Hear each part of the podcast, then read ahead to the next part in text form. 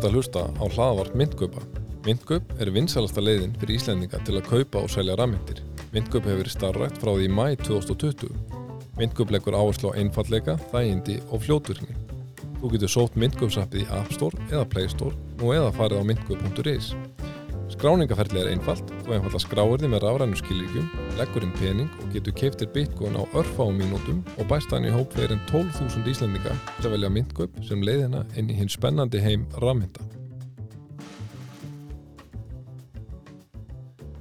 Komið sæl, kærlustur, og velkomin í hlaðvart myndgöpa. Í dag verður fjallað um helstu frétti vikunar í heimi rafmynda, en það er snúa tveimur lögsóknum bandariska verbreyftilitsins eða SEC á hendur rafmyndarísónum Binance og Coinbase. Rétt er að taka fram að lögsókn á hendur Binance snýr einungis að bandaríkja armiðera, Binance US. Grundvallamunur er á sakarefni lögsóknuna tvekja, þannig að Binance gefið að sög að hafa beitt ímiskuna rángindum og ólumætum viðskiptáttum til þess að hagnast á viðskiptavinnum sínum og fjárfestum ásamt í að miðla verbriðum eða securities án tilskilin að leifa. Sakarunni málsum hendur Coinbase lítur hins vegar einungis að því hvort rétt sé að skilgreina ákveðna rafmyndir sem verbreyf og hvort Coinbase hafi þá starfað án tilskilin að leifa við slíka miðlun. Ára en lengri haldið er nöðslegt að staldraðans við hugtökin securities og commodity. Nærtakasta þýðingin á hugtökinu securities er verbreyf, þótt hugtæki sé ekki öldungis liðstætt verbreyf hugtækinu sangvænt íslensku lögum, en þó svona nokkunum veginn. Commodity er hins vegar rávara, eða einfalla bara vara, en oft er einnig nota hugtaki property eða eign til aðgreiningar frá securities hugtakinu. Ástæð þess að þetta skiptir máli er að það er reygin munur á allri þeirri lögjöf sem gildir um þessi fyrirbæri. Ef einhver allar að miðla verbreyfum þarf viðkomandi hafa tilskilin leifi til þess. Verbreyfum þarf að skrá með ákvæmum hætti, verndar sjónamið og kröfur gafart viðskiptavinnum er ólíkt hátta og svo framvegis. Í bandaríkjunum hefur ekki verið litið á rafmyndir sem verbreyf en SEC hefur lengi í að því að margar aðra rafmyndir en Bitcoin ættu með réttu að falla undir skilgrinninguna og þar að leiðandi ætti bandarísk verbreyflögju að gildum þá aðila sem miðla rafmyndum í bandarískri lögsugu.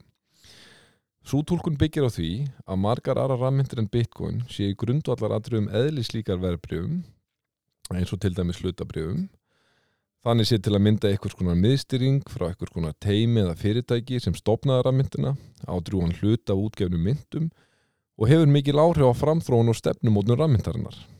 Þessi umræði hefur verið ábyrjandi heimi rafmyndum árabil og þess vegna ætti þessi lögsón ekki að koma neinum á óvart.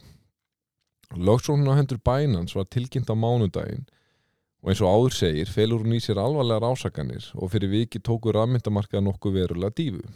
Daginn eftir á þriðju daginn var lögsóknu hendur Coinbase tilkynnt en þá bröðust rafmyndamarkar við með all nokkrum hækkunum. Þau viðbröð gefa til kynna að markarinn skilji raunverulega hvað máli snýst um.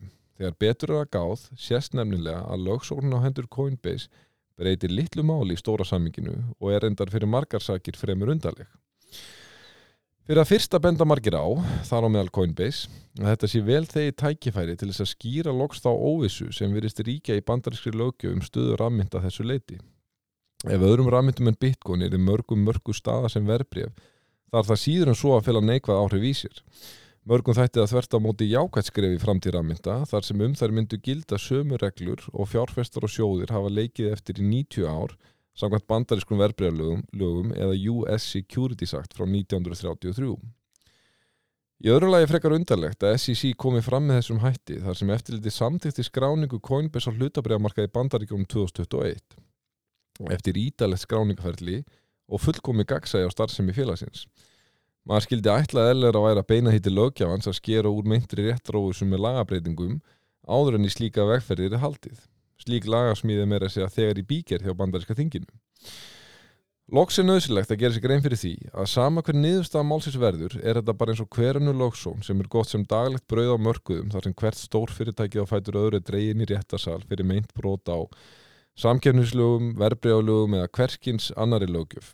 Í sumum tilvíkum er fyrirtækin síknuð þar sem viðkomandi dómstól fælst ekki á kröfur stjórnvalda Í öðrum tilvíkum enda málinn með einhvers konar sátt og sektagreyslu og loks kunna málinn að vera reykinn til enda með þeim afleðingum að fallist þér á kröfur stjórnvalda þar sem niðurstaðan felur yfirleitt í sér sekt og einhvers konar breytingar eða aðlugun á starfsemi fyrirtæki sem á við hlut. Þetta er einfallega eðlur og algengur hluti hinn stóra viðskiptalífs og ekki eitthvað sem gefur önnulegt tilum til að hlaupa til hand og fóta. Það er eins og að gömul sá nýja fjölmila reyna að gera sér meiri mat og svona fréttum með erfni standa til sem og anstæðingar þess geira sem ég hlut á og það eru auðvitað engin skortur á slíkum anstæðingum ramminda eins og alkunna er. En uh, þetta er önnverulega allt og sumt. Bandarska verbreyfalliti byggir semst á því að suma rafmyndir eiga flokka sem verbreyf, verða að vera skráð sem slík og að þeir aðeila sem ætli sér að miðla þeim verða að starfa eftir tilkynnum leifum. Coinbase byggir á því að þessar rafmyndir séu ekki verbreyf og því séu þau leifi sem Coinbase starfar eftir fullægandi. Málaferðla þessu tægi kunna taka nokkur ár og hvernig sem fer er vansið að niðurstaða í málinu muni breyta miklu í stóru saminginu nema skerpa óvissum réttastu ímissa rammynda sem getur varla að tala sneikvætt. Þar fyrir utan er verðt að nefna að þetta gildir einungis um bandaríska lögjöf. Við látum þetta næga sinni, þangar til næst, verið sæl.